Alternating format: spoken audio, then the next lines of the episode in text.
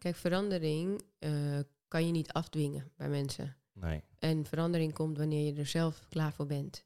9 van de 10 keer kwamen ze echt als een haan en gingen ze ook weg als een kip. Ik denk, nou, is dit toch, weet je Dat is wel wel? een mooie metafoor. Jongen, jongen, waar is die man nou gebleven? En eh, hoe graag je ook eh, vrienden of familie door elkaar wil schudden. Van, als je nou gewoon het zo en zo en zo Ja. doet, dan lukt het. Ja, ja, Kijk maar naar mij. Ja, ja, ja, ja. Dat kan niet. Nee. Het kan niet. nee. Dus iedereen heeft zijn eigen tijd, zijn eigen momentum, zeg maar. Eh, als ik kijk naar hoe ik onderneem, onderneem ik vanuit intuïtie. Dus Ja. ik, ik, ik, ik ben niet een ondernemer die gaat opschrijven, zo wil ik het doen. Ik heb een doel Ja. en de rest laat ik inkomen, Ja. zeg maar, door intuïtie. De intuïtieve in, Ja, dat- inspiratie. Welkom bij de Op Inspiratie podcast. Mijn naam is Jan Dekker en samen gaan we op ontdekkingsreis om ons leven vol tips en trucs nog leuker te maken. Wil jij meer energie en heb je andere gezondheidsdoelen? Doe dan gratis de VitaKruid vitamine test en krijg persoonlijk advies over welke voedingssupplementen bij jou passen. Doe dit via de link vitakruid.nl slash opinspiratie. Slimme mensen zoals jij weten dat wanneer ook jij deze podcast gaat liken, delen of op gaat abonneren, zo nog meer mensen kunnen inspireren. Doen dus. En wanneer je mooie inzichten uit deze podcast haalt, kan je mij ook sponsoren via opinspiratie.nl. Zo kunnen we nog meer afleveringen maken. Faya, welkom. Leuk dat je eh, de reis hier naartoe hebt gemaakt. Ik zal je even voorstellen voor degenen die je nog niet kennen. Ik denk eh, dat bijna iedereen je wel kent. Maar eh, actrice, voornamelijk eh, ondernemer op dit moment. Eh, succesvolle business in eh My Killer Body Motivation. Dat eh, doe je middels eh, online video's, trainingen. En dat gaat voornamelijk over voeding en sport. Klopt dat? Ehm, ja, het klopt eh, wel, ja. Het is ehm, wel een beetje veranderd de afgelopen jaren. 2015 kwam dat boek uit, zeg maar. En degene die, waar we nu naar kijken is een herschreven, herschreven editie, jubileum editie. Waar het stukje mindset wel groter aan bod is gekomen als daarvoor. Ja. Kijk, mindset is natuurlijk altijd wel een groot onderdeel van, eh, van gezond eten en sporten. Maar eh, ik heb een heel groot gedeelte toegevoegd aan je er goed uitzien vanuit je goed voelen. Omdat heel veel mensen denken dat ze zich niet goed voelen omdat ze er niet goed uitzien. Maar het is juist andersom. Dus vanuit acceptatie over hoe je nu al bent en je goed voelen, er beter uit gaan zien in plaats van andersom. Want als je dan bent afgevallen, bijvoorbeeld 30 kilo, dan ben je nog steeds ongelukkig. Omdat eigenlijk was je niet ongelukkig vanwege je overgewicht, maar had je overgewicht omdat je ongelukkig was. Dus dat mindset stuk is nu wel eh, heel erg naar voren gekomen. Dus ik persoonlijk zelf blog ook niet meer over sport en voeding. Alleen maar over mindset, succes eh, door middel van de kracht van je gedachten. En, en ja, die koers ben ik al twee jaar geleden wel gestart. En we zijn op dit moment bezig met het bouwen van een nieuwe website. Waar je dat ook beter in ziet en gaat zien. Dus mykillerbodymotivation.com krijgt een refresh. Waarin ik alleen nog maar verantwoordelijk ben voor het stukje mindset. En dan heb ik andere mensen die de trainingsvideo's maken. En bloggen over voeding en dat soort dingen. Nou, dit is een hele mooie twist die je hebt gemaakt. Ja, ik heb zelf eh, het boek geschreven omdat het mijn eigen journey was. Hè? Dus ik neem mensen eigenlijk mee in mijn eigen journey. Ik ben eh, geen specialist, ik ben gewoon een ervaringsdeskundige. Dus in 2015 was dat mijn journey. Om te sporten en sterk te worden en me te kunnen optrekken. En Ja. eh, van suikerverslaving af te komen en, en eh, een sixpack te hebben. Dus daar heb ik mensen in meegenomen. Maar als ik dan verander in mijn journey, neem ik ze daar ook weer in mee. En dan blijf ik niet daarin hangen. Dus de, ei- eigenlijk mijn eigen ontwikkeling, daarin neem ik eh, mijn volgers mee. Maar omdat ik natuurlijk ook best wel een grote aanhang heb die wel gewoon geïnteresseerd zijn in sport en voeding, is het niet dat ik dat zo over de Nee, schouder logisch. gooi. Maar dan heb ik daar gewoon weer mensen die daar nu weer zitten. En ik heb nu een jong meisje, Nina, die helemaal fit is en biceps heeft en buikspier heeft. En die doet dat nu. Ja. En die is daar nu. Snap Ja. je? En ik ben weer verder. Ja, ik, eh, ik zie een beetje een gelijkenis met Giel Belen, die hier ook zat. Die het ook eerst, eh, dat hij eh, geweldig met zijn lijf aan de gang was gegaan. En nu is hij de podcast Koekeroe gestart vanwege de persoonlijke ontwikkeling die hij Ja. aan het doormaken is. Ja. En dat met je lijf bezig zijn heeft natuurlijk ook wel met persoonlijke ontwikkeling te maken. Want je begint natuurlijk met goed voor jezelf zorgen door ja, van je verslavingen af te komen, van je ongezonde levensstijl, eh, alcoholconsumptie. Niet dat ik geen alcohol meer drink, maar eh, ja, dus het heeft altijd eh, al, het, is gewoon de start geweest van met meer zelfliefde naar jezelf kijken en goed voor jezelf zorgen. Dus ehm, en dan ja, gaat het over in jezelf accepteren zoals je gewoon bent. Ja, en, en hoe creëer je zo'n zo'n mooie positieve mindset? Nou, ik ben gezegend met een positieve mindset. En ik eh, ben ook wel heel dankbaar daarvoor. Want ik snap ook wel, eh, ik heb ook mensen om me heen die dat niet hebben. Dat vind ik soms ook heel zwaar om met die mensen te zijn. En kunnen ze daar ook nog aan werken, denk je? Ja, maar dat is wel moeilijker dan iemand die het van zijn nature al heeft. Hè? Ja. Dus eh, kijk, ik spreek altijd vanuit mezelf. En vroeger, toen ik nog wat minder bewust word, dacht ik, jeetje, doe gewoon zo en zo en zo en zo.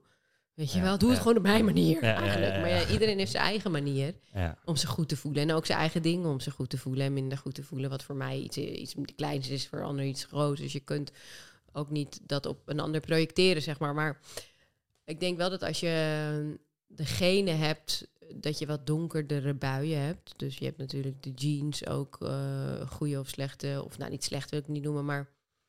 Ja, voor mij is het altijd het glas altijd half vol, snap je? Dus Ja. voor mij is het alleen fine-tunen om het, om het nog beter te voelen. En nog beter te Ja. voelen. En, nog en voor een ander is het fine-tunen om zich überhaupt goed te voelen. Ja.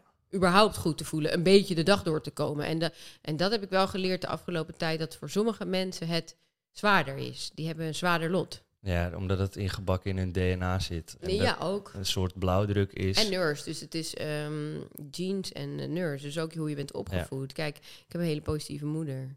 Maar er zijn ook mensen opgevoed met moeders die zeiden net dat het nooit goed genoeg was. Of eh, ja, weet ik veel. Van die klagende mensen, weet je wel. Ja. Dan neem, ja, je neemt Je gewoon dingen over. ja, Je neemt gewoon dingen over van je, van je opvoeding. En wat heb jij van je moeder overgenomen? Ehm, ja, dat je eigenlijk eh, focus, moet focussen op waar je heen wil en niet waar je niet heen wil. En dat, maar ja, aan de andere kant hebben mijn broertjes en zusjes dat ook meegekregen. En die doen het ook anders, snap je? Dus ja. het heeft ook weer te maken met genen, omdat ik heb een andere vader.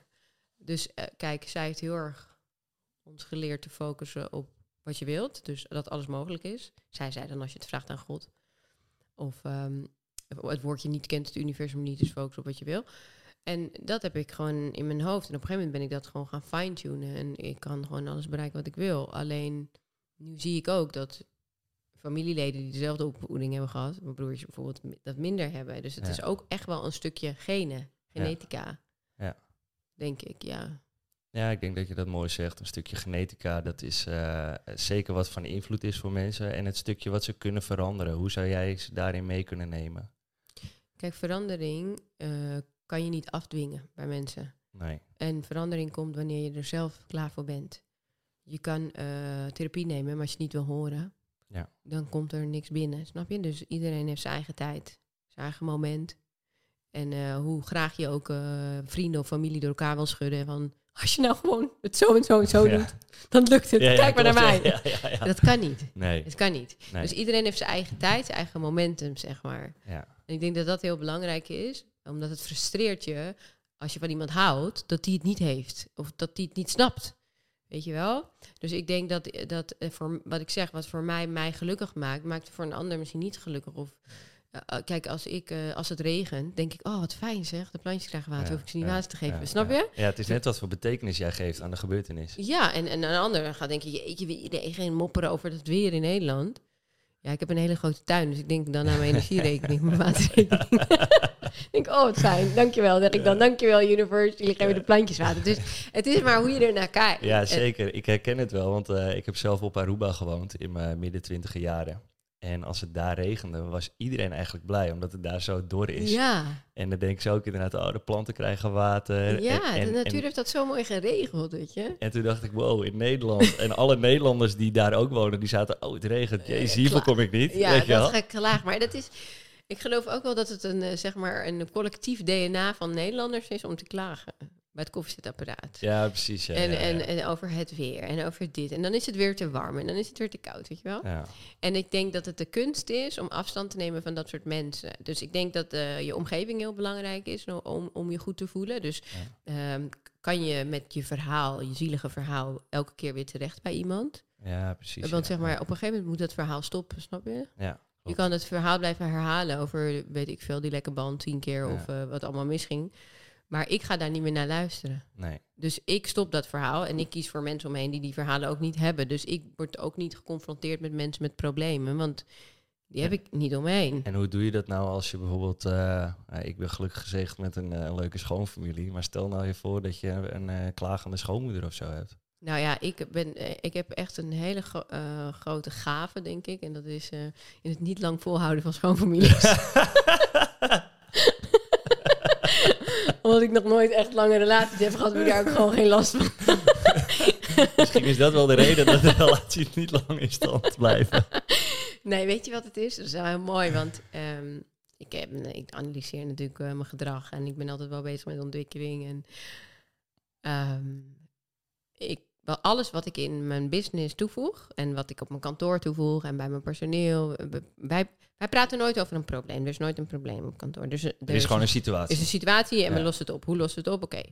Dus eh, niemand bij mij op kantoor valt mij ook lastig met dingen die negatief zijn, tenzij ik me er echt mee moet bemoeien. Ja. Maar niemand lult het ook door aan andere mensen. Het is echt mijn DNA in het bedrijf. Ook mijn chaotische DNA, want iedereen laat zijn jas overal slingeren. Zo. Ja. Dus ik heb ook heel veel nette mensen aangenomen die opeens ook rommelig worden. Dat is heel grappig om te zien, want dat is ook mijn DNA. Maar bij mijn relaties met eh, mijn partners, mannen, heb ik altijd het tegenovergestelde gedaan, dus geklaagd.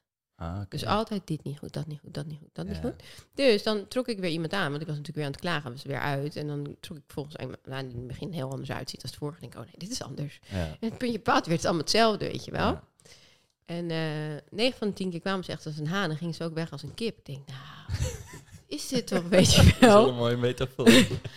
Jongen, jongen, waar is die man nou gebleven? Maar ik ben zo dominant. En, Ja. eh, ik- en, en ook eh, misschien wel gefocust op alles wat niet goed is in, in een relatie dan, hè? Nou, Dus- dat, er zit wel een wetenschappelijke theorie achter. Hè? Want eh, ik volg dan bijvoorbeeld eh, Mel Robbins op YouTube. Dat is een, ja, een vrouw uit Amerika volgens mij. Kan ook Canada zijn, ik weet het even niet. Maar goed.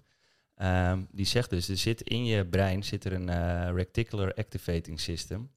En overal waar jij je op focust, dus bijvoorbeeld, ik noem maar wat, een witte Nike's of rode auto. dat zie je. eh, dat, dat zie je. Ja, dus Dus de stel- of attraction. Ja, precies. Dus stel nou dat jij bijvoorbeeld bij, je bij je man of vriend eh, zie je dingen die niet goed gaan, ga je natuurlijk steeds meer letten op andere dingen die ook niet goed Ja. gaan. Het, het wordt heel erg. Maar dat Ja. is, het is wat zo grappig hieraan is, is dat ik dat zo goed weet, want ik ben zo opgevoed. En dat ik dus zakelijk dat nooit doe. Ja, ja, ja. ja. Dus in mijn, eh, maar ook niet met mijn kinderen, eh, met de hele situatie thuis niet, maar, maar alleen maar op het stukje relatie met een man doe ik, date ik het. Ja.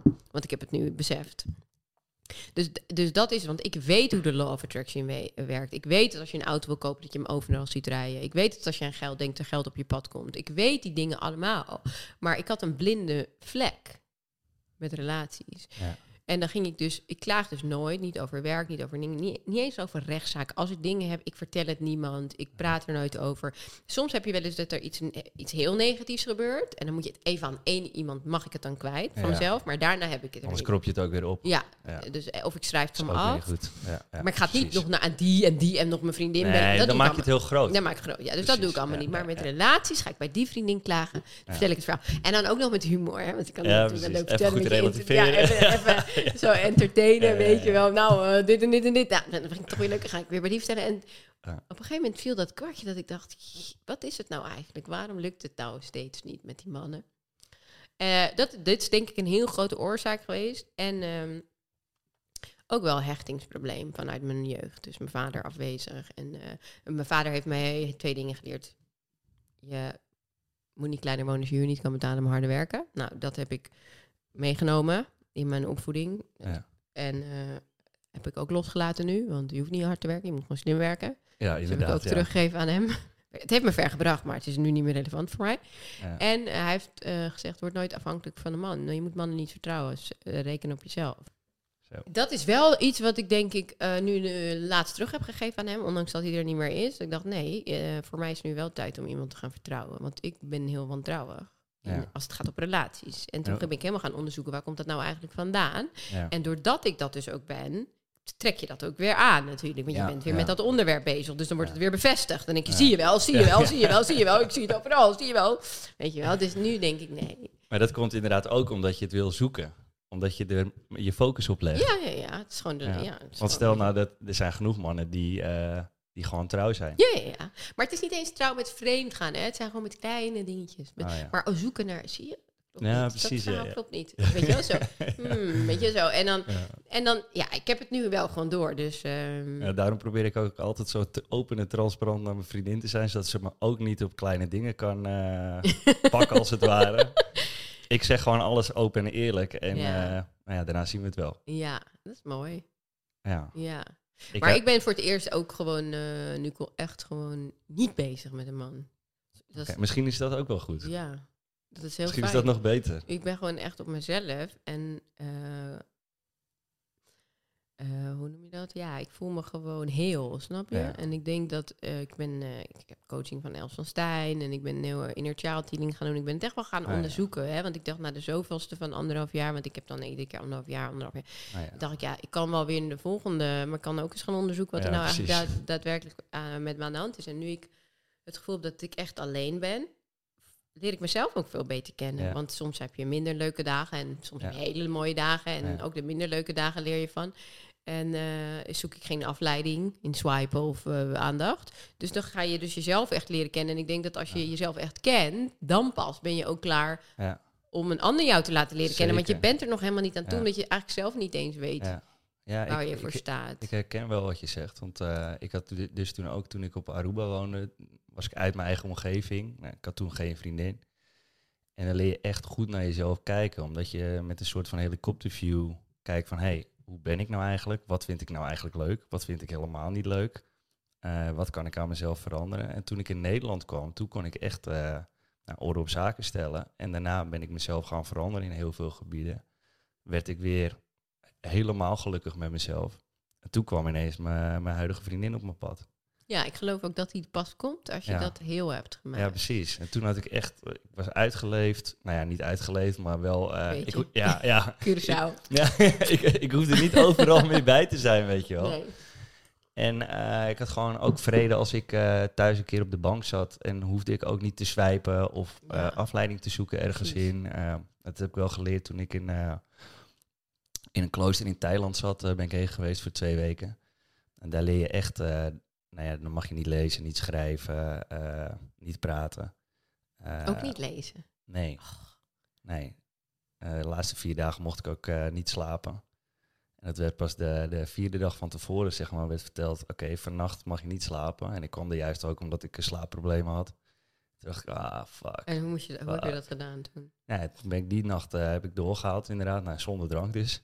Maar alleen maar mediteren. Uren achter elkaar in kleermaken zit. Uren achter elkaar Oh. een loopmeditatie in een kamertje van, eh van eh 4 bij 4. En daarna kwam ik dan de volgende dag kwam ik weer bij, eh, bij die monnik. En zei ik, nou, ik heb het, eh, ik heb het gered. En toen zei hij, eh, oké, vannacht mag je weer niet slapen. Nou, ga dan maar eens met je, met, je, met je boosheid om. Dus dan mag je weer terug naar je kleine kamertje. Maar konden ze dat ook controleren? Nou, ze kwamen heel af en toe kwamen ze langs om te checken hoe het ging. Maar dat was echt één keer in de vier dagen of zo. Want het was echt op het moment dat het bij mij ook fout ging. Want het was iets van de derde nacht dat ik niet mocht slapen. En toen was ik ook een beetje oud gegaan en begon ik een beetje te Hallucineren. hallucineren inderdaad. Toen dacht ik van, oh, ze willen me hier houden. eh, eh, ik moet mijn beste maat bellen. Moet, hij moet me hier weghalen, want anders blijf ik hier voor altijd. Oh ja. En dan zat ik echt iets van, eh, nou misschien, nou, ik heb geen tijdsbesef, maar het kan misschien een uur geweest zijn. En ik, ik wilde de hele tijd mijn telefoon pakken, maar ja, die stond al weken op eh, vliegtuigmodus. En toen dacht ik, oh ik mag hem niet pakken, ik mag hem niet pakken. Ik moet straks echt mijn gedachten op rust hebben. En als ik echt niet meer raar denk, dan mag ik hem misschien pakken. Uiteindelijk heb ik hem niet gepakt. Toen kwam er ook iemand eh, langs om te checken hoe het ging. Die zei van ja, dit is vaak een beetje een kantelmoment bij eh, de mensen die langskomen. Dat het soms wel eens niet goed gaat, dat ze te weinig slaap hebben gehad en neervallen. Ik viel ook neer, zeg maar, tijdens meditatie met mijn hoofd op de Ja, grond. Dat tuurlijk. ik, eh, nou, gewoon vermoeidheid natuurlijk. Maar de, ja, eigenlijk de laatste nacht kwam ik langs bij die, bij die monnik en toen zei ik, eh, en vannacht weer niet slapen zeker? Ja, is goed, prima man. Ik ben zo weggelopen.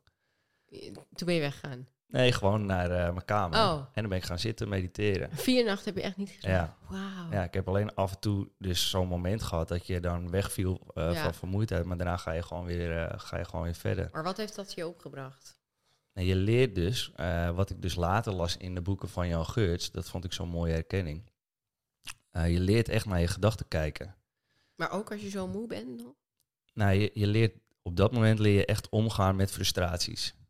Oh ja. Je bent heel erg gefrustreerd, want je wilt slapen. Je bent boos, want je denkt, ja, waarom laat ze hem niet slapen? Ze geven ook geen reden of zo, weet je wel. Ja. Want als ik die vragen stelde, dan kreeg ik gewoon van mijn mentor te horen: What do you learn from easy? Nothing. Ja, en was ik klaar. Dan zei ik: Ja, dit vind ik een hele mooie wedervraag. Ik zeg, dus ik hou nu mijn mond.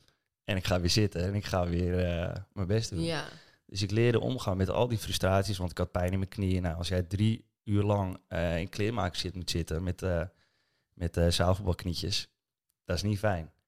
nee. Dus je moet met pijn omgaan, frustraties in je hoofd. dat moet je allemaal los zien te koppelen.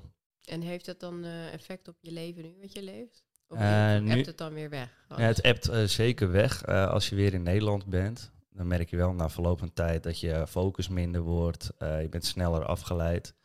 Maar later ga je dan bijvoorbeeld weer eh, boeken lezen eh, van Jan Geurts bijvoorbeeld. Om om te gaan met je gedachten. Nou, dan zie je weer herkenning en dan kan je het weer ja, eh, reïntegreren als het ware in je leven. Dus nu heb ik wel vaak als ik bijvoorbeeld op de fiets zit of in de trein.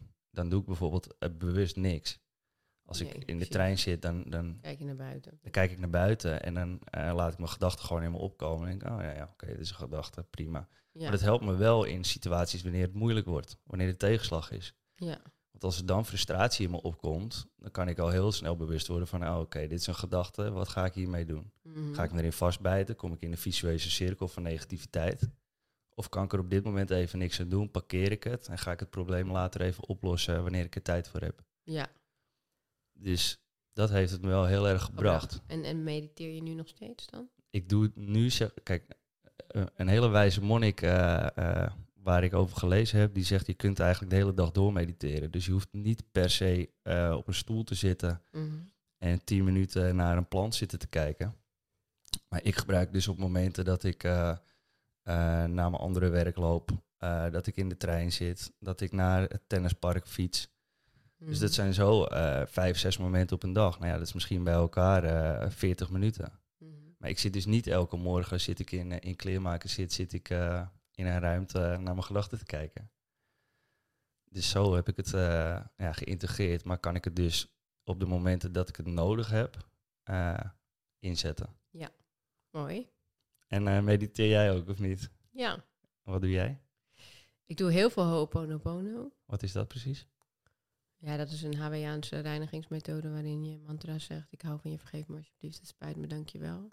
En daarin reinig je oude patronen, oude, ook ziektes. Of eh, je eigenlijk, eh, als je een situatie hebt eh, met, stel je voor, ik zou ruzie hebben met jou, dan, dan, dan, dan zegt de Ho- Ho'oponopono-methode van dat iets in mij die ruzie heeft veroorzaakt. Dus je wordt zelf compleet verantwoordelijk gehouden voor alles wat er in je leven gebeurt. En het is niet jouw schuld, want als jij langs in de snelweg rijdt en je ziet een auto-ongeluk, is dat auto-ongeluk niet jouw schuld. Maar je bent wel verantwoordelijk voor dat je het feit dat je het ziet, want jij rijdt daar in de auto. Dus eigenlijk op, op die manier kan je, ben je overal zelf verantwoordelijk voor. En je reinigt in jezelf, eh, heel je, hetgeen wat veroorzaakt dat jij dat nu ziet. Of dat jij die ehm, conflict hebt met bepaalde mensen of iets. Dus dat eh, het boek Zero Limits heet dat. Heb ik zes jaar voor het eerst gelezen, zes jaar geleden. Heb ik het heel veel gedaan. Toen is het een beetje verwaterd. En nu heb ik dat weer teruggepakt. Dus ik doe heel veel, eigenlijk iedere dag ook eh 20 minuten meditatie met Ho'oponopono. Dus soms doe ik het met een nummer op die dat zingt. eh, Ah, ja. eh, en dan zing ik mee. Of soms doe ik het zelf. Ja.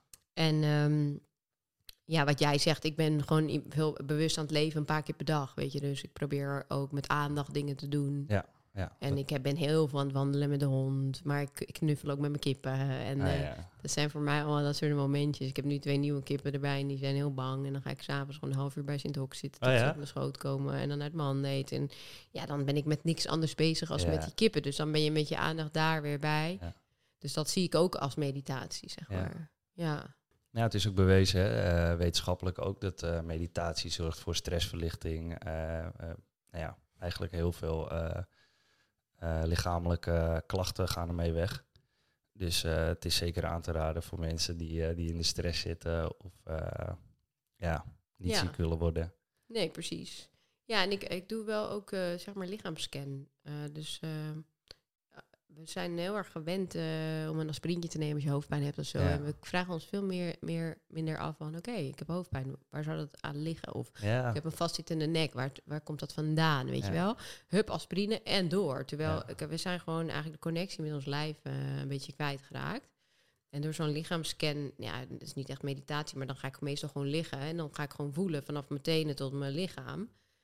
En dan voel ik gewoon. En ik ben nu ook eh, ja, heel veel op mijn baarmoeder voelde ik van alles nog wat. Ben ik een hoponopono aan het doen.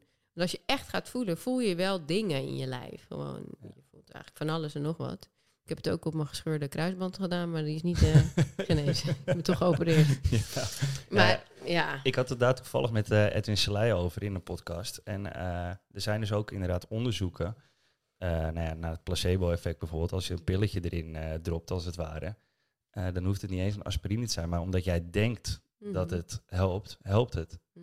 Ja. En ja, ik, ik zeg ook niet stop met alle operaties, maar het helpt wel om positiever over te denken. Van het komt goed, het gaat goed. Dat je vertrouwen hebt in de dokter. Ja, wat ik interessant van dat stukje vind, is andersom. Kijk, mensen weten allemaal dat placebo bestaat en dat het echt is, dus wetenschappelijk onderbouwd. Maar mensen houden zich niet zoveel be bezig met nocebo. Ja, ja, ja. En nocebo is, je denkt dat je ziek bent, dus je wordt ziek. Ja. En dat is een hele belangrijke. En daar zijn ook al verschillende onderzoeken ook al naar gedaan. Je hebt zo'n wetenschapper die met water onderzoek heeft gedaan hè, met reageerbuisjes ik haat je op water en op die andere ik hou van je woorden geschreven. En daarna met min 5 bevroren en onder microscoop was het ik haat je water bedorven. Nou, wij bestaan voor 70% uit water. Dus ga maar tegen jezelf zeggen dat je dik, lelijk en uh, dat je niks kan. Nou, ja, je maakt jezelf gewoon ziek. Letterlijk. En dat, dat is eigenlijk al gewoon bewezen in de wetenschap. Maar dat noemen ze dan wappitaal. Maar als je gewoon de onderzoeken erop naslaat, is dat gewoon ja. wel echt zo. Dus denk dat het heel belangrijk is, en daarom heb ik het stuk ook in het boek herschreven, dus dat je eerst naar jezelf gaat kijken en zegt, ik ben goed zoals ik ben. Ik ben altijd goed genoeg. En ik zeg niet dat je je vetrol moet gaan uh, embracen, maar je kan nog altijd zeggen, oh, ik heb prachtig haar of mijn ogen zijn mooi. Ja. Het gaat er gewoon om dat je je goed voelt. En wat, ja, dat is voor mij weer iets anders dan voor een ander. Maar probeer gewoon in die staat van goed voelen te blijven. En wat jij zegt, het stukje uh, niet vermijden. Dus niet zeggen, ik mag niet dik zijn. Nee juist uh, positieve dingen tegen jezelf zeggen. Want anders kom je in dat nocebo uh, Ja, en ook mensen zeggen ook altijd um, dat ze willen, willen afvallen. Maar dan geef je ook in het universum het willen van iets aan en niet het zijn van iets. Dus ik zou eerder focussen op een gewicht wat je wilt wegen. Dus ik weeg 55 kilo bij wijze van spreken, als je er 58 weegt. Um, en um, accepteren dat het nu al goed is. Want je gaat met die weerstand over, zeg maar, walging over jezelf iets willen bereiken. En die walging over jezelf geeft je een rotgevoel. En dat rotgevoel zorgt dat je weer gaat eten. Dus, want dan wil je weer weg krijgen. Dus dan heb je weer korte termijn oplossingen. Dat is toch, ja, endorfines. Nou, dat is meestal drank, drugs, afleiding op uh, likes uh, krijgen. Of uh, ja, dat zijn allemaal van die dingen dat je je kort even weer goed voelt en niet naar de kern gaat. Dus ik denk dat het belangrijk is dat je je gewoon goed voelt. Dat dat de stap één is. Dus, dus de vraag, hoe voel ik me goed? Ja. En hoe ga jij om bijvoorbeeld met, uh, met kritiek? Want uh, je komt natuurlijk uh, regelmatig in de, in de media. Ik heb, geef daar geen aandacht aan. Nee. Dus ik ben daar niet mee bezig. Ik geef geen aandacht aan dingen waar ik niet mee bezig wil zijn. Nee. Dus dat is denk ik de key voor mij in ieder geval om me goed te voelen. Dus om daar gewoon totaal geen aandacht aan te besteden. Toch is het wel belangrijk wat, uh, wat mensen van je vinden voor je bedrijf, zeg maar. Zodat het groeit. Nee, dat of is... focus je dan meer zeg maar, op de mensen uh, waarvan je wilt of weet dat die daarvoor openstaan? Ik focus me gewoon altijd op mijn doel. Dus als jij gaat focussen op dat je mensen over de streep moet gaan trekken die jou niet leuk vinden, dan ben je dus bezig met iets wat er niet is of wat je moet gaan verbeteren. Terwijl, kijk, um, ik focus me op wat ik waar ik heen wil, snap je? En ik wil niet bezig zijn met mensen die mij niet leuk vinden. Kijk, in het leven zonder bekend zijn heb je ook mensen die jou wel of niet leuk vinden. Ja, zeker. Dat is normaal. Bij een bekend iemand staat dat onder een vergrootglas, omdat je bekend bent. Dus dat komt naar buiten. Terwijl als jij niet bekend bent, dan zoek je de mensen ook niet op die jou niet leuk vinden. Dus waarom zou ik daar nu dan wel mee bezig zijn, snap je? Ja, zeker. En dat is misschien ook een mooie boodschap naar uh, iedereen die wil gaan ondernemen. Om je te focussen op je doel en niet bezig te zijn met wat, wat mensen ervan vinden. Nee, dat sowieso niet, wat mensen ervan vinden. Want weet je, ik heb, ik, heb, ik heb dat ook wel moeten leren hoor. In 2015 toen mijn boek uitkwam waren er natuurlijk heel veel diëtisten. Ja professionele diëtisten, die er wat van vonden. En in het begin heb ik me daar nog tegen verdedigd. Maar dat geef je op een gegeven moment gewoon op. Want dan heb je ook door dat het dus mensen zijn die niet zo'n goed verkopend boek hebben. Het gaat altijd over hunzelf. Het is altijd projectie. Ik denk dat het sowieso belangrijk is dat je met een onderneming op jezelf focust. Tuurlijk kan je wel een voorbeeld nemen aan succesvolle ondernemingen die een soortzelfde pad zijn bewandeld of zo. Maar ik denk dat je wel authentiek moet zijn en ook moet geloven in je product. Ik heb in het verleden ook dingen gedaan om geld te verdienen. Die zijn allemaal mislukt. Ja. Ik denk dat het belangrijk is dat je passie is, omdat je dan ook tot niet het gevoel hebt dat je naar je werk gaat. Ja. En eh, dan, ja, dan, dan bruis je en dan, dan wil je Ja. tot een succes maken. En dan, Ja, dat klopt. Dat heb ik exact met de podcast ook. Ik eh, heb afgelopen drie dagen tot, eh nou ja, tot 12 uur zitten editen. Maar ik had niet het gevoel dat ik aan het werk was. Nee.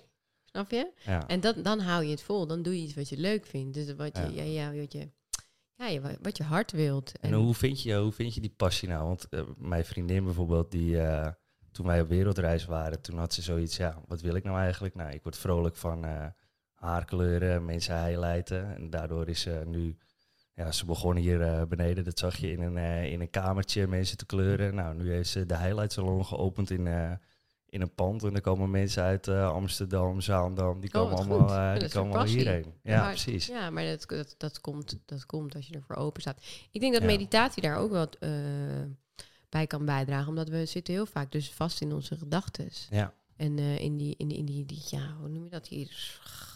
Ratrace van onze gedachten. En eh, als ik kijk naar hoe ik onderneem, onderneem ik vanuit intuïtie. Dus Ja. ik, ik, ik, ik ben niet een ondernemer die gaat opschrijven, zo wil ik het doen. Ik heb een doel Ja. en de rest laat ik inkomen, Ja. zeg maar, door intuïtie, intuïtieve in, ja dat, inspiratie. Dat zeg je maar. mooi, want eh, ik heb daar toevallig eh, vorige week een video over gepost op mijn op mijn kanalen. Dat eh, wanneer je de stilte opzoekt, dus eh, wanneer mensen douchen, eh, in de trein zitten, sommigen op de wc kreeg ik berichten van.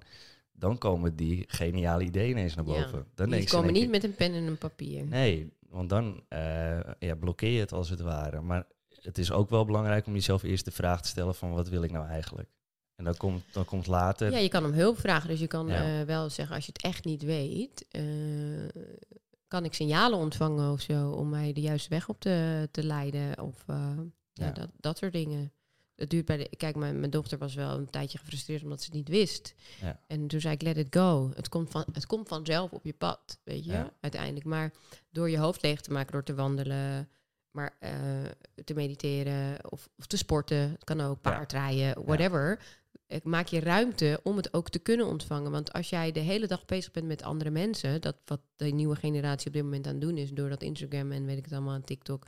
Ja. Heel de dag zitten ze zo. En ze zien alleen maar de mooiste versies. Maar dan heb je ook geen eh, ruimte in je eigen hoofd om die signalen te ontvangen. Klopt. Want echt die succes, eh, alle succesvolle stappen of hoe ik het doe, die komen echt in de rust. Ploep. Ja. Oh, Ja, precies, ja. Het zijn altijd ploepjes. Ja. Oh. En waar komen Ja. die dan vandaan, denk je? Ja, van je hogere zelf. Die weet het allemaal al. Ja. Ja, kijk, ik, ik, ik weet het niet precies. Ik kan er geen vinger, geen vinger op leggen. Maar dat het ergens vandaan komt, ja, dat, eh, ja, dat weten we. Maar waar, wat het precies is, ja, de, de wetenschap die weet het nog niet precies. Zoals gedachten, die kun je ook zelfs buiten je hoofd kun je, kun je dat meten met een, eh, met Mhm. een EEG. Weet ik. En iedereen denkt natuurlijk, ja, alles zit in je hoofd. Maar ja, als je hier al de gedachten kunt meten, ja, dat is natuurlijk fascinerend. Hmm, het is wel allemaal een frequentie. Schrijven heeft weer een andere frequentie. Denken heeft weer een andere Ja. frequentie. Ja, want alles kunnen we weer. meten. Ja. Hè, met, het is allemaal alles trillingen. is energie. We bestaan allemaal eh, uit energie als je het eh, helemaal kwantumfysisch gaat, eh, gaat ontleden. Mhm. Dus dat is natuurlijk een fa- fantastisch schouwspel waar we in zitten. Ja, het is, het, het is alleen moeilijk om, om in concepten te vatten. Dat is natuurlijk wat wij altijd willen. We willen, Ja, willen alles dat- in concepten Ik denk dat je dat juist zetten. niet moet Nee, willen. precies. Ik denk dat je dat hele wetenschappelijke... Ik heb ook zo'n vriendin die altijd maar over de wetenschap... wetenschap en toen Ja. kreeg ik een boek van mijn verjaardag. Wat dan... eh, hoe heette dat ook alweer? Ehm, eh, slimme onbewust heette dat boek. Oh, ik, die heb ik ook gelezen. Van Ja, dan denk ik, Dijksterhuis. ja, maar dan denk ik, ja, alles wat ik hier lees, weet ik al. Ja, Ja. dat leuk dat jij dat volgens de wetenschap nu onderbouwt, maar Ja. ik leef al mijn hele leven zo en ik heb daar geen wetenschap voor nodig, snap je? Ja, Om erachter te komen dat je intuïtie het beter weet dan je, je rationele of cognitieve brein. Dat wist ik al. Zo leef ik. maar het is wel fijn dat de wetenschap dat nu ook ja, dat heb ik dus niet. Dat ik, ik heb ook niet het bewijsdrang dat ik dat fijn vind. Het kan mijn worst wezen. Ja, ja precies. Ja. Snap je? Ik ben Ja, daar ook maakt niet jou niet uit. Nee, kan mij Nee, het schelen. precies. Kijk, ik leef in mijn eigen wereld. Als Ja. jij er gelukkig van wordt dat jij dat wetenschappelijk onderbouwd wordt, is van jou. Exact. Is niet ja, van mij. precies. Ik, heb dat niet nodig. Ja, Ik heb het ook niet nodig dat Einstein het al heeft uitgevonden of dingen. Ik leef mijn leven op mijn manier. Ik Ja. geloof dat het zo werkt, want voor mij werkt het zo. Dus Ja. is het mijn waarheid, dus is het de waarheid. En wat een ander doet, het zal me echt een worst wezen. En dat komt natuurlijk ook omdat het je eh, resultaten oplevert. ja, en weet vanaf heel kleins. Ja, en vanaf heel kleins. En ik ben het wel gaan fine-tunen toen ik het door had. Ja. Toen ik het nog meer door had, ben ik het nog meer gaan fine-tunen. En kijk, eh, geef je een lezing waarvan je weet, er zitten allemaal... ehm, eh, nou, ik heb wel eens een keer bijvoorbeeld een lezing gegeven waar allemaal personal trainers in de zaal zitten. Ja, dan wil je opeens een beetje de wetenschappelijke onderbouwing gaan toevoegen in, in je lezing om hun Ja. te overtuigen. Ik had laatst ook een boek gelezen over leven na de dood, eh bijna doodervaring van een neuro, eh, neuro, Wetenschappen. nee, neurochirurg. En die geloofde absoluut niet in leven na de dood, tot hij ze- zes, zeven dagen hersendood was.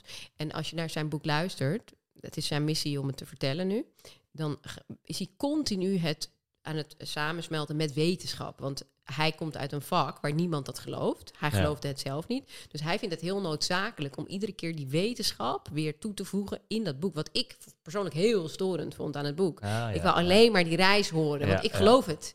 Ik heb daar geen wetenschap voor nodig, snap je? Als hij dat zo ervaren heeft, dan is dat prima. Ja, maar hij wilde het juist, omdat hij het juist zeg maar, aan de man wilde brengen. Het is ook een New York bestseller geweest. Bij juist mensen die het niet geloven, heeft hij het heel erg wetenschappelijk allemaal uitgelegd. Wat hem is gebeurd en dat het dus eigenlijk onmogelijk is wat hij had. Want hij kreeg dus een virus in zijn hersenen, een, een, een, eh, wat in normaal in je darmen zit, wat eigenlijk al niet kon. Ja. Eh, hij was ook eigenlijk hersendood en hij, kon- hij is helemaal hersteld, wat al niet kon. Dus alles kon eigenlijk niet ja, wetenschappelijk. wetenschappelijk. Ja, precies, ja. Snap je wel? En, eh, maar ja, dus dat gaat hij dan helemaal zo uitleggen. En ik dacht, ga nou even terug naar het verhaal met die engelen. En die- Weet je wel, dat vond ik veel te klein onderdeel van het boek. Die dimensies, wat heb je daar allemaal gehoord? Wat heb je daar nog meer gehoord? Ja, ja, ja. Want dan vertelde ik die wel dat het niet in woorden te omvatten was. En, maar ik vond het veel te klein onderdeel. Maar ik snap het vanuit zijn perspectief wel. Omdat hij in een wereld in de medische, farmaceutische, medische industrie werkt... waar mensen zeggen, je bent gek. Ja. Als je dat gelooft, weet je wel. Dus ik snap het wel, omdat hij, hij het echt zijn missie heeft gemaakt dat hij het nu aan de man wil brengen. En dat hij vindt dat het, hij denkt ook dat het zijn missie is om het nu, dat we het moeten integreren, onze spirituele zijn wie we zijn. Terwijl ik denk, nee, we zijn hier op aarde om een aards leven te leven. Want we zijn hier op aarde niet Ja. voor niks. Dus waarom zouden we nu al bezig zijn met Ja. daar? Dus Ja. we willen het allemaal gaan onderzoeken, maar waarom? We zijn toch nu hier? Ja, maak er dat- van. Ja, maak hier gewoon het beste van. En voel wel eh, in je buik, weet je wel, of maak contact met je lijf eh, over de keuzes die je moet maken. Maar je hoeft niet al met één been daar in die engelenwereld te staan, snap je? Ja, ik snap wat je bedoelt. ja. Want dan ben je ook weer niet hier en geaard. Nee. Nee. Je, kijk, mijn moeder heeft dat heel erg. Mijn moeder is, eh, die hangt een beetje zo tussen hemel en aarde in. Je krijgt altijd een spiritueel antwoord. Als je, eh, het is een illusie of weet ik wel wat, verdriet is een illusie of whatever. En, En- wat, wat deed dat met je als kind, als je altijd zo'n antwoord kreeg? frustratie krijg je dan. Want als kind was ik, eh, heb ik me heel erg eh, ge- verzet tegen die hele spirituele wereld en die ashrams en alles waar we mee naartoe werden genomen.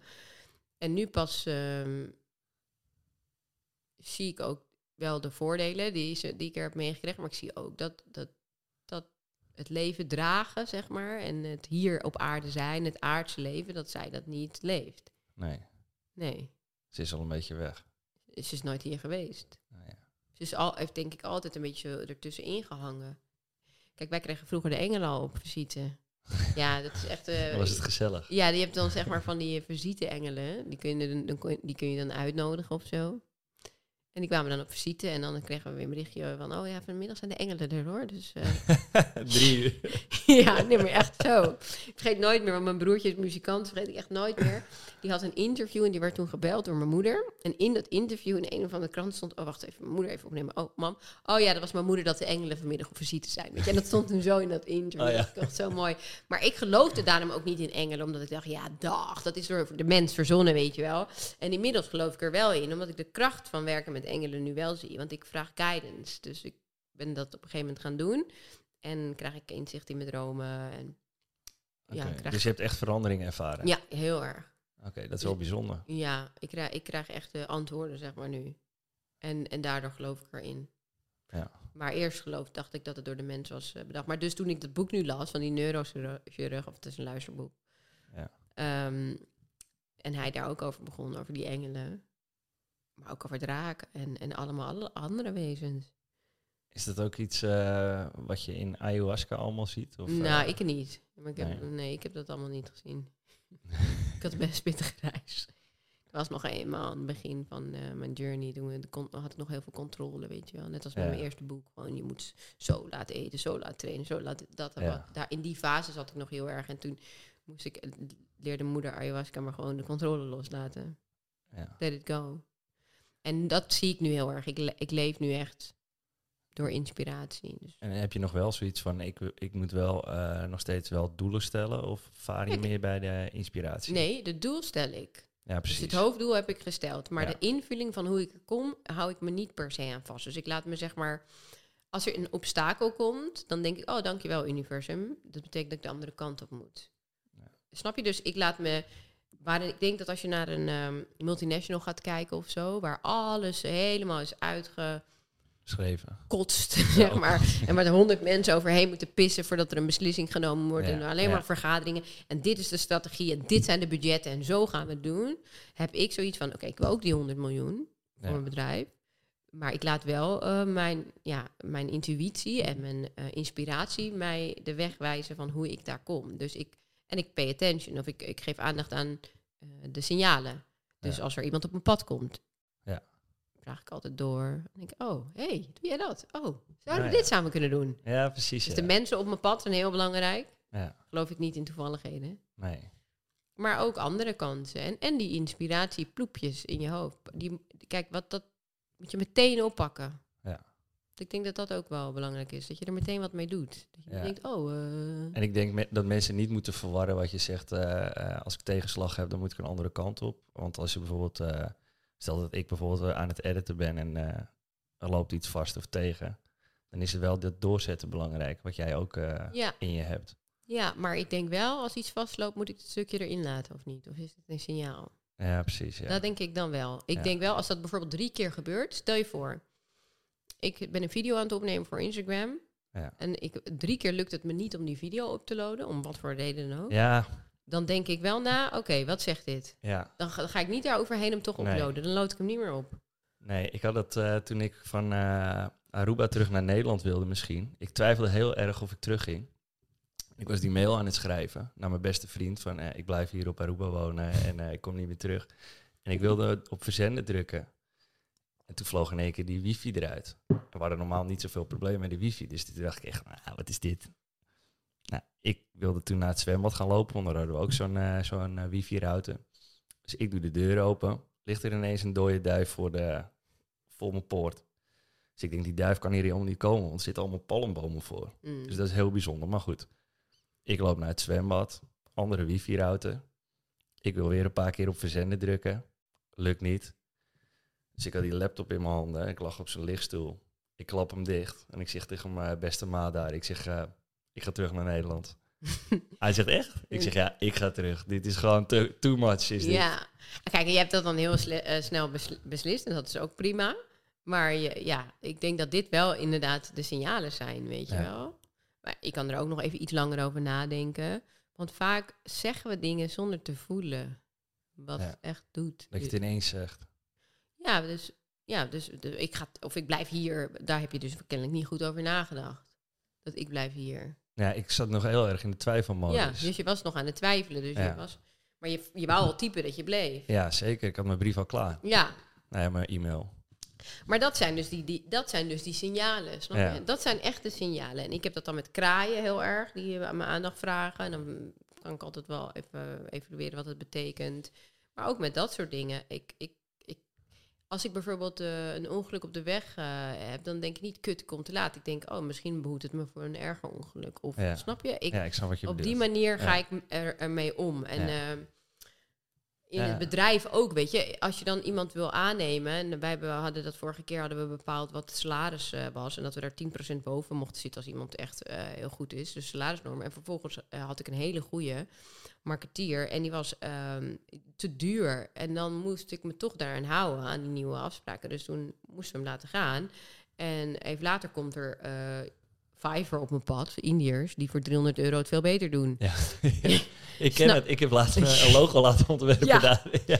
Dus snap je wat ik bedoel? Dus dat bedoel je ik met, eh, je kan dus je heel erg verzetten. Je kan dus dan over je eigen grenzen heen gaan en hem toch meer betalen. Je kan gefrustreerd raken omdat je hem niet kan aannemen. Maar je kan Ja. ook denken, nou kennelijk Ja, mag het niet zo zijn. Ja, en komt er wat beters. Nou. Snap je? En, en dat bedoel ik met dat ik me la- en dat is denk ik het verschil tussen een bedrijf zoals ik, die nog heel flexibel is, of dat je bij een Unilever of een Ja, Albert Heijn zit, waar dat allemaal niet kan. Ja, klopt, ja.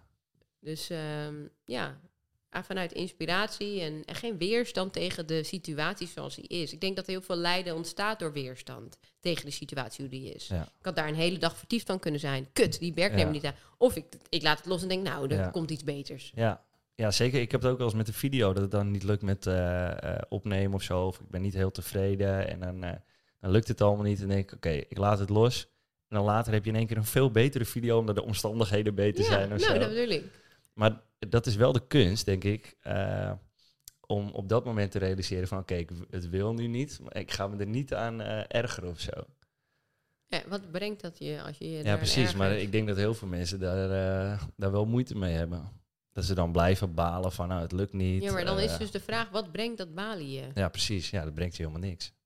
Nee, Nou, dan kan je er snel mee opbouwen, toch? ja. Nee, klopt. Het is niet zo heel moeilijk. Nee. Ook nog niet zo makkelijk voor heel veel mensen, maar waar een wil is, is een weg.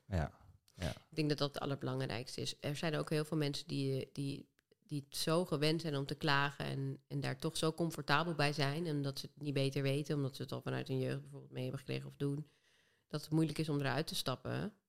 En dat het zo ook dingen oplevert, het geklaag. Want eh, ja, ze zijn een slachtoffer, worden gehoord. eh, oh, Ja. wat zielig, oh, wat vervelend voor je. Oh, dan- het levert ze van alles en nog wat op. Aandacht. Ja, nou en dan blijf je er lekker in zitten als Ja. dat het is. Maar als jij zegt, mijn leven loopt niet lekker en ik wil het veranderen, ja, dan heb je werk te doen. En eh, hoe start je dan? Bij gedachten wel. Ja. Want het zijn vaak die negatieve gedachten. Kijk, ik heb, ik heb ook wel eens een negatieve gedachte, maar ik kan, kan me de laatste niet herinneren, zeg maar. Ja. Maar er zijn natuurlijk mensen die het leven niet zo loopt zoals ze wensen. Die hebben vaak meer negatieve gedachten dan positieve gedachten. Ja. Dus ik zeg altijd, begin daarbij, om dat, eens even te analyseren. Misschien een weekje lang bij te houden. Dan zie je ook de gedachten die steeds terugkomen. En dan kan je dat ook weer zien van, hé, dat is eigenlijk een reflectie van wat er in mijn leven gebeurt. Eh, Oké, dus je focust eigenlijk op wat niet. Ik, ik denk dat het verschil tussen iemand die succesvol is en niet succesvol is. Iemand die succesvol is, focust op wat wel. En iemand die niet succesvol is, focust op wat niet. Ja. Dus als jij eh, bijvoorbeeld eh, met overgewicht, ik ben dik, ik ben lelijk, dat soort gedachten de hele dag over jezelf hebt, de kleding staat me niet, ja, dan val je natuurlijk niet af. Dus dan kan je die gedachten positief gaan veranderen van ik ben goed genoeg, ik Ja. mag er zijn, ik ben slank, mooi en gelukkig. Ja. Ik zorg goed voor mezelf. Dan maak je zo'n affirmatie. En iedere keer als je merkt dat je zo'n negatieve gedachte hebt, eh, benoem je die affirmatie weer op. Je riedelt het er gewoon op. Je hangt het in huis. Ik ben mooi, ik ben knap, ik ben gelukkig, ik ben gezond. Overal briefjes in huis. Ja, Van oh die ja. post-its. Oh, gewoon overal in je huis om je bewust te worden, om je even uit die eh, ratrace van je gedachten te halen. Ja. En dan eerst denk ik in kaart brengen wat nou de negatieve gedachten zijn die je hebt. Mensen zeggen altijd, ja, je kan je gedachten niet controleren. Nee, tuurlijk niet, het zijn er 70.000. Maar het zijn de herhalingen van de dag gedachten ervoor, hè? En herhalingen van de gedachten Ja. daarvoor. En herhalingen van de patroon. daarvoor.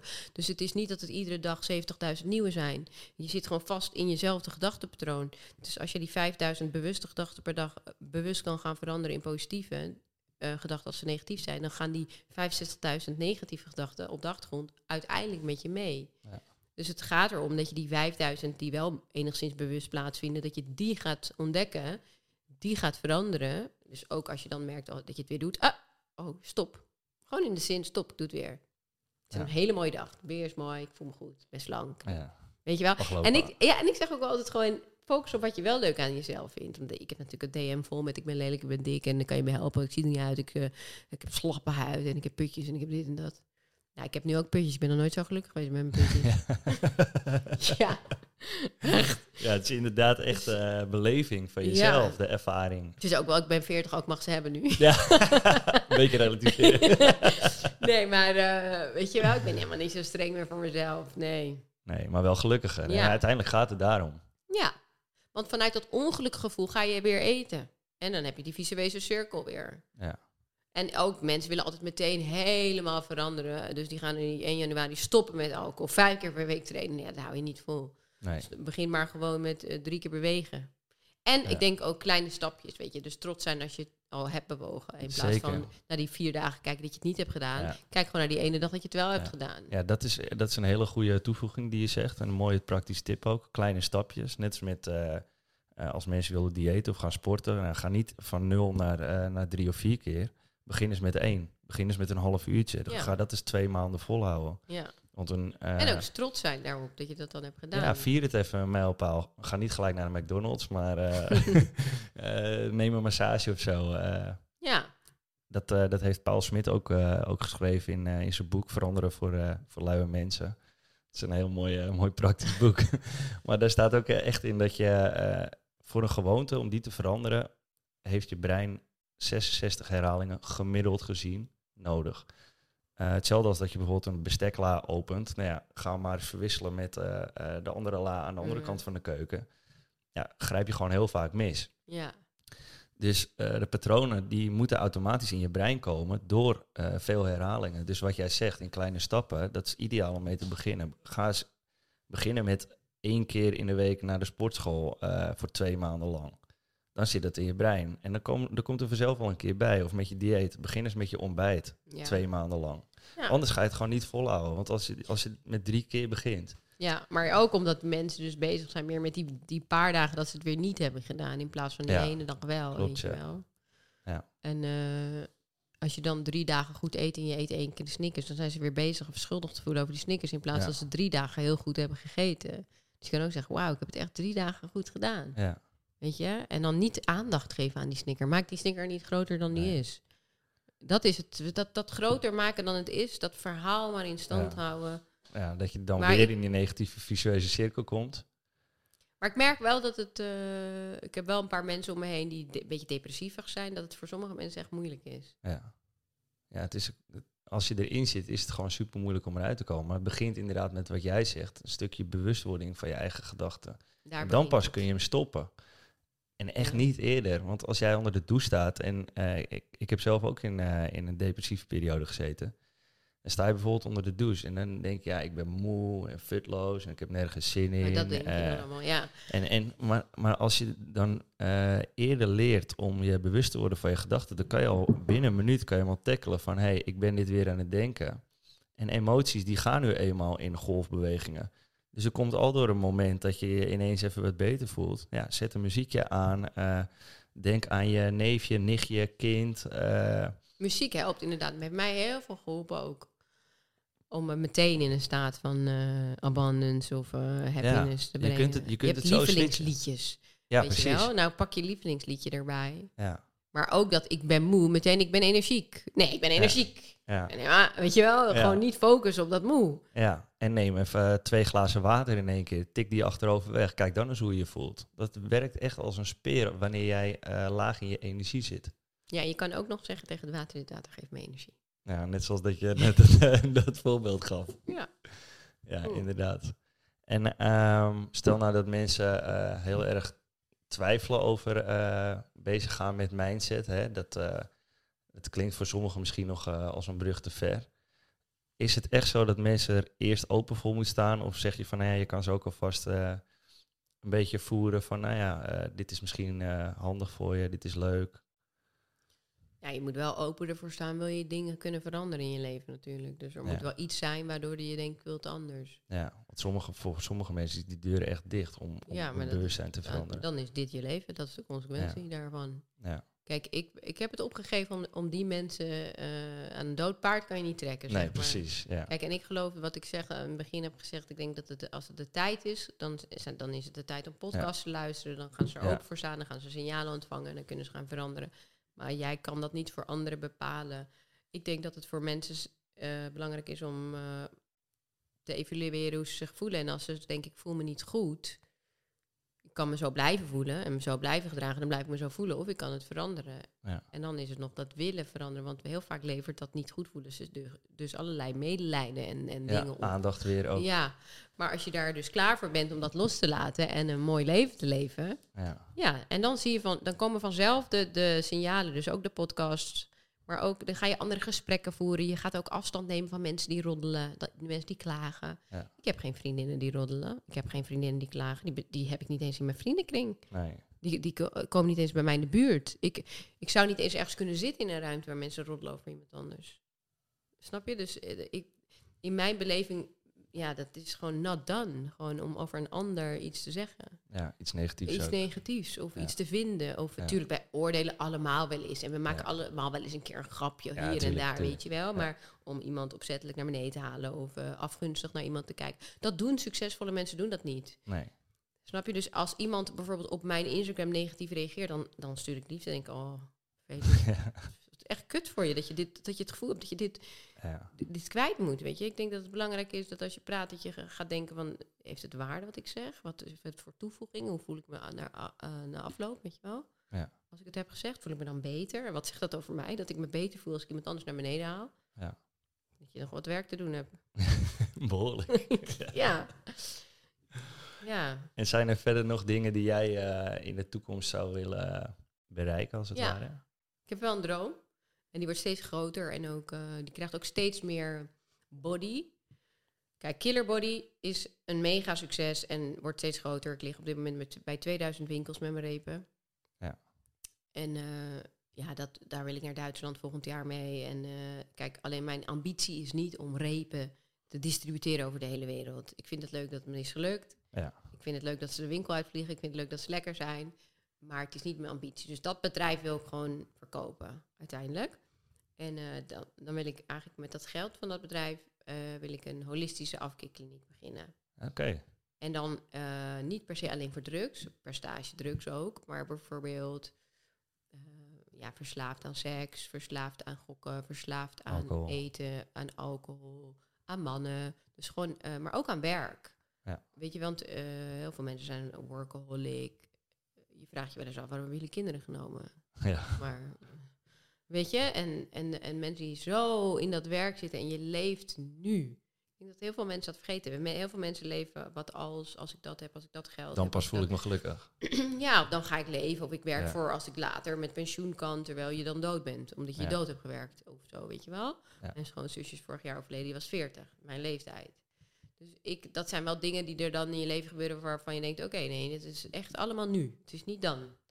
En ik denk dat heel veel CEO's en heel veel rijke mensen ook helemaal in hun werk verslaafd met telefoons. Je ziet ze helemaal niet meer in contact met hunzelf. Dus ik wil een soort van, ja, niet, re, ja, niet rehab, maar een soort van ehm, Retreat. reset, retreat Ah, ding ja. zetten, waar ik een percentage ook wel drugsverslaafd wil behandelen, omdat ik ook wel zie dat ehm, ja, die mensen altijd weer terugvallen. Gaan ze naar een afkikkliniek, vallen ze gewoon weer terug. Ja, ze komen natuurlijk in een hetzelfde Ja. omgeving weer. Maar de kern wordt ook niet eh, zo goed volgens mij opgelost, Ja. weet je wel. En ik zou dat dan willen doen met paardencoaching, familieopstellingen, rebirthing, meditatie, body work, sound healing, allemaal dat soort dingen. Misschien plantmedicijnen, niet ayahuasca, maar wat minder. Dus echt op de holistische manier. En dan zie ik het ook echt voor me dat echt eh, de crème, de la crème van, dus, dus Els van Stijn bijvoorbeeld met familieopstellingen komt. Ja, En- precies. Ja. En de, en de acupuncturist uit eh, Japan die de beste is. Weet je Ja, wel, de, ja. moet een high-end kliniek worden. Ja. Ehm, met al, ah, de beste van de beste therapeuten, zeg maar, ter wereld. Maar wel holistisch, op de holistische manier. Gele mens. Ja. Ja. Ja, en dat lijkt, dat lijkt me echt heel leuk. Echt om te doen. Nou, dat zijn wel hele ook- mooie doelen. Ja. Dat is... eh, Want ik denk ook dat, eh, nou ja, dat geef je ook vaak mee aan ondernemers, hè, dat ze iets moeten doen waar hun hart ligt, anders hou je het niet vol Nee. op de lange termijn. En dat is wel, wel wat jij eh, voor ogen hebt. Ja. Ja, dus die, eh, kijk, met Killer Body eh, wel nog groter groeien, want ik wil wel echt miljoenen ervoor. dat is ook ik, een leuk doel. ik heb die miljoenen ook nodig om dit weer op te zetten. Want Ja. ik wil echt een high-end ding. Maar Ja. ook zelfvoorzienend. En kijk, ik hou van kippen nu. Ik ben helemaal kippenverliefd. En ik Ja. knuffel met kippen. Dus ik denk dat dat ook heel helend werkt. Dus te knuffelen met dieren, varkentjes. Dat Ja. Helemaal mensen met hun blote voeten in de moestuin moeten werken. En ook een stukje jongeren dacht ik gratis dan te doen. Want het moet wel echt een Ah, ja. kliniek worden wat 600, 700 euro per dag kost. Ja. Dus er moet wel een verdienmodel aan zitten. maar dan dacht ik, nou, dat doe ik wel ook eh 20% gratis of zo, weet je Ah, ja. wel. Ja, Uh, heel voor het goede doel. En dan met name denk ik kinderen of pubers ja. of zo. Ja. Dat is wel nobel. ja, dat ook wel. Maar ja, het moet wel gewoon een verdienmodel aan zitten. Ik ben wel heel, wat dat betreft ben ik zakelijk ingesteld. Ja, maar ik, ik zie dan echt zo voor me dat het de, echt de kliniek van de wereld is. Weet je wel? Ah Dat ja, je wil wel- echt eh, wereldwijd. eh, ja, ja, dat het echt over de hele wereld komen. En misschien wel niet in Nederland, misschien wel in Nederland, dat weet ik niet. Nee. Dat heb ik nog niet helemaal voor me gezien. Ja, voor het weer zou een Zuid-Europees land misschien Ja. beter zijn. Ja. Dan voelen mensen zich ook vaak wat beter. Zeker de Nederlanders waar je wil beginnen. dat is waar. Met dat geklaag. Ja, afkicken van klagen kan ook. ja, ja, precies. kan Ook een van verslaving. Ja. Afkicken van negatieve gedachten. Dus allemaal dat soort dingen. Dus dan, ik, ik zie dan voor me dat een sectie echt drugsverslaafden wat apart zitten. Of een Ja. aparte sectie is. En de rest echt retreats, weet je wel. Dat je in zes weken een reset hebt. Dus dat je ook met groepen werkt. Dat je al die eh, behandelaars over de hele wereld kan laten invliegen en zo. Ja. Ja. Nou, klinkt super. Ja. Hey, verder gaan we nog eh, een aantal dingen verloten. Kun je er wat over eh, vertellen? Ja, ik zag dat jij mijn allereerste boek op tafel had liggen. Ja. Hoe kom je eraan? Ja, die heb ik gekregen van een collega. Oh. Ik zei dat je langskwam en Ah. toen zei zij, eh, ik heb dat boek eh, heb ik nog liggen. Ik zeg, nou, dat is eh, goed Ja, om dit- voor te bereiden. Ja, kijk, dit is het allereerste boek. Ja. En eh, dat heb ik herschreven, dus eh, een jaar geleden, bij vijfjarig jubileum. Ja, Dus eigenlijk is zo. het hetzelfde boek. Ja. Alleen eh, hier zit een stukje mindset in. En ik heb het ook laatst ingesproken. Dus je kan hem ook al, al luisteren als luisterboek. Ja, zie ik het, ja. ja.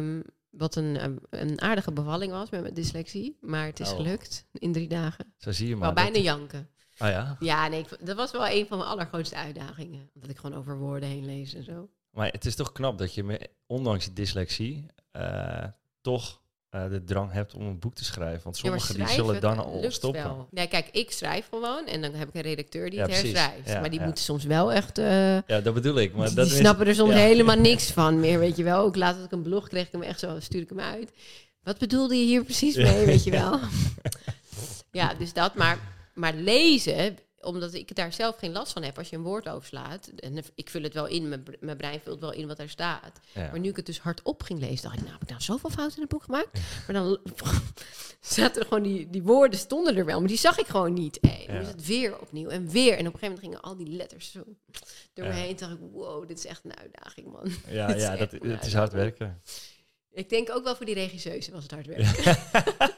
Ik denk dat hij ook wel een kleine lichtelijke irritatie heeft gekregen op een gegeven moment.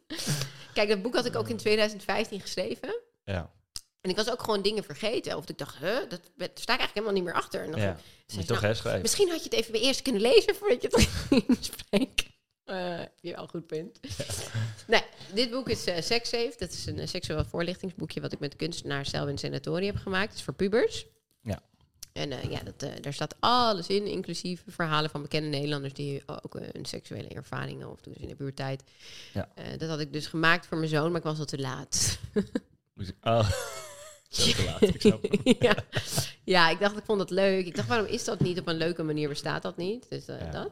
En dan heb ik de Killer Planner. En dat is eigenlijk een planner zonder data. Dus je kan hem, eh, als je hem een tijdje hebt neergelegd, altijd weer opnieuw eh, openmaken. Want Ah, ja. dat haat ik altijd. Als je er dan een tijdje niet in had gewerkt, moest je zo'n half boek Ja. openslaan. Ja, dus dit is zonder datums. maar wel met opdracht om je goed te voelen, quotes. Dus er zitten ook mindset oefeningen in. Super. Meditatieoefeningen, visualisatieoefeningen. En allemaal dat soort dingen. Dus die eh, kunnen we weggeven. Nou, super. Dat gaan we zeker doen.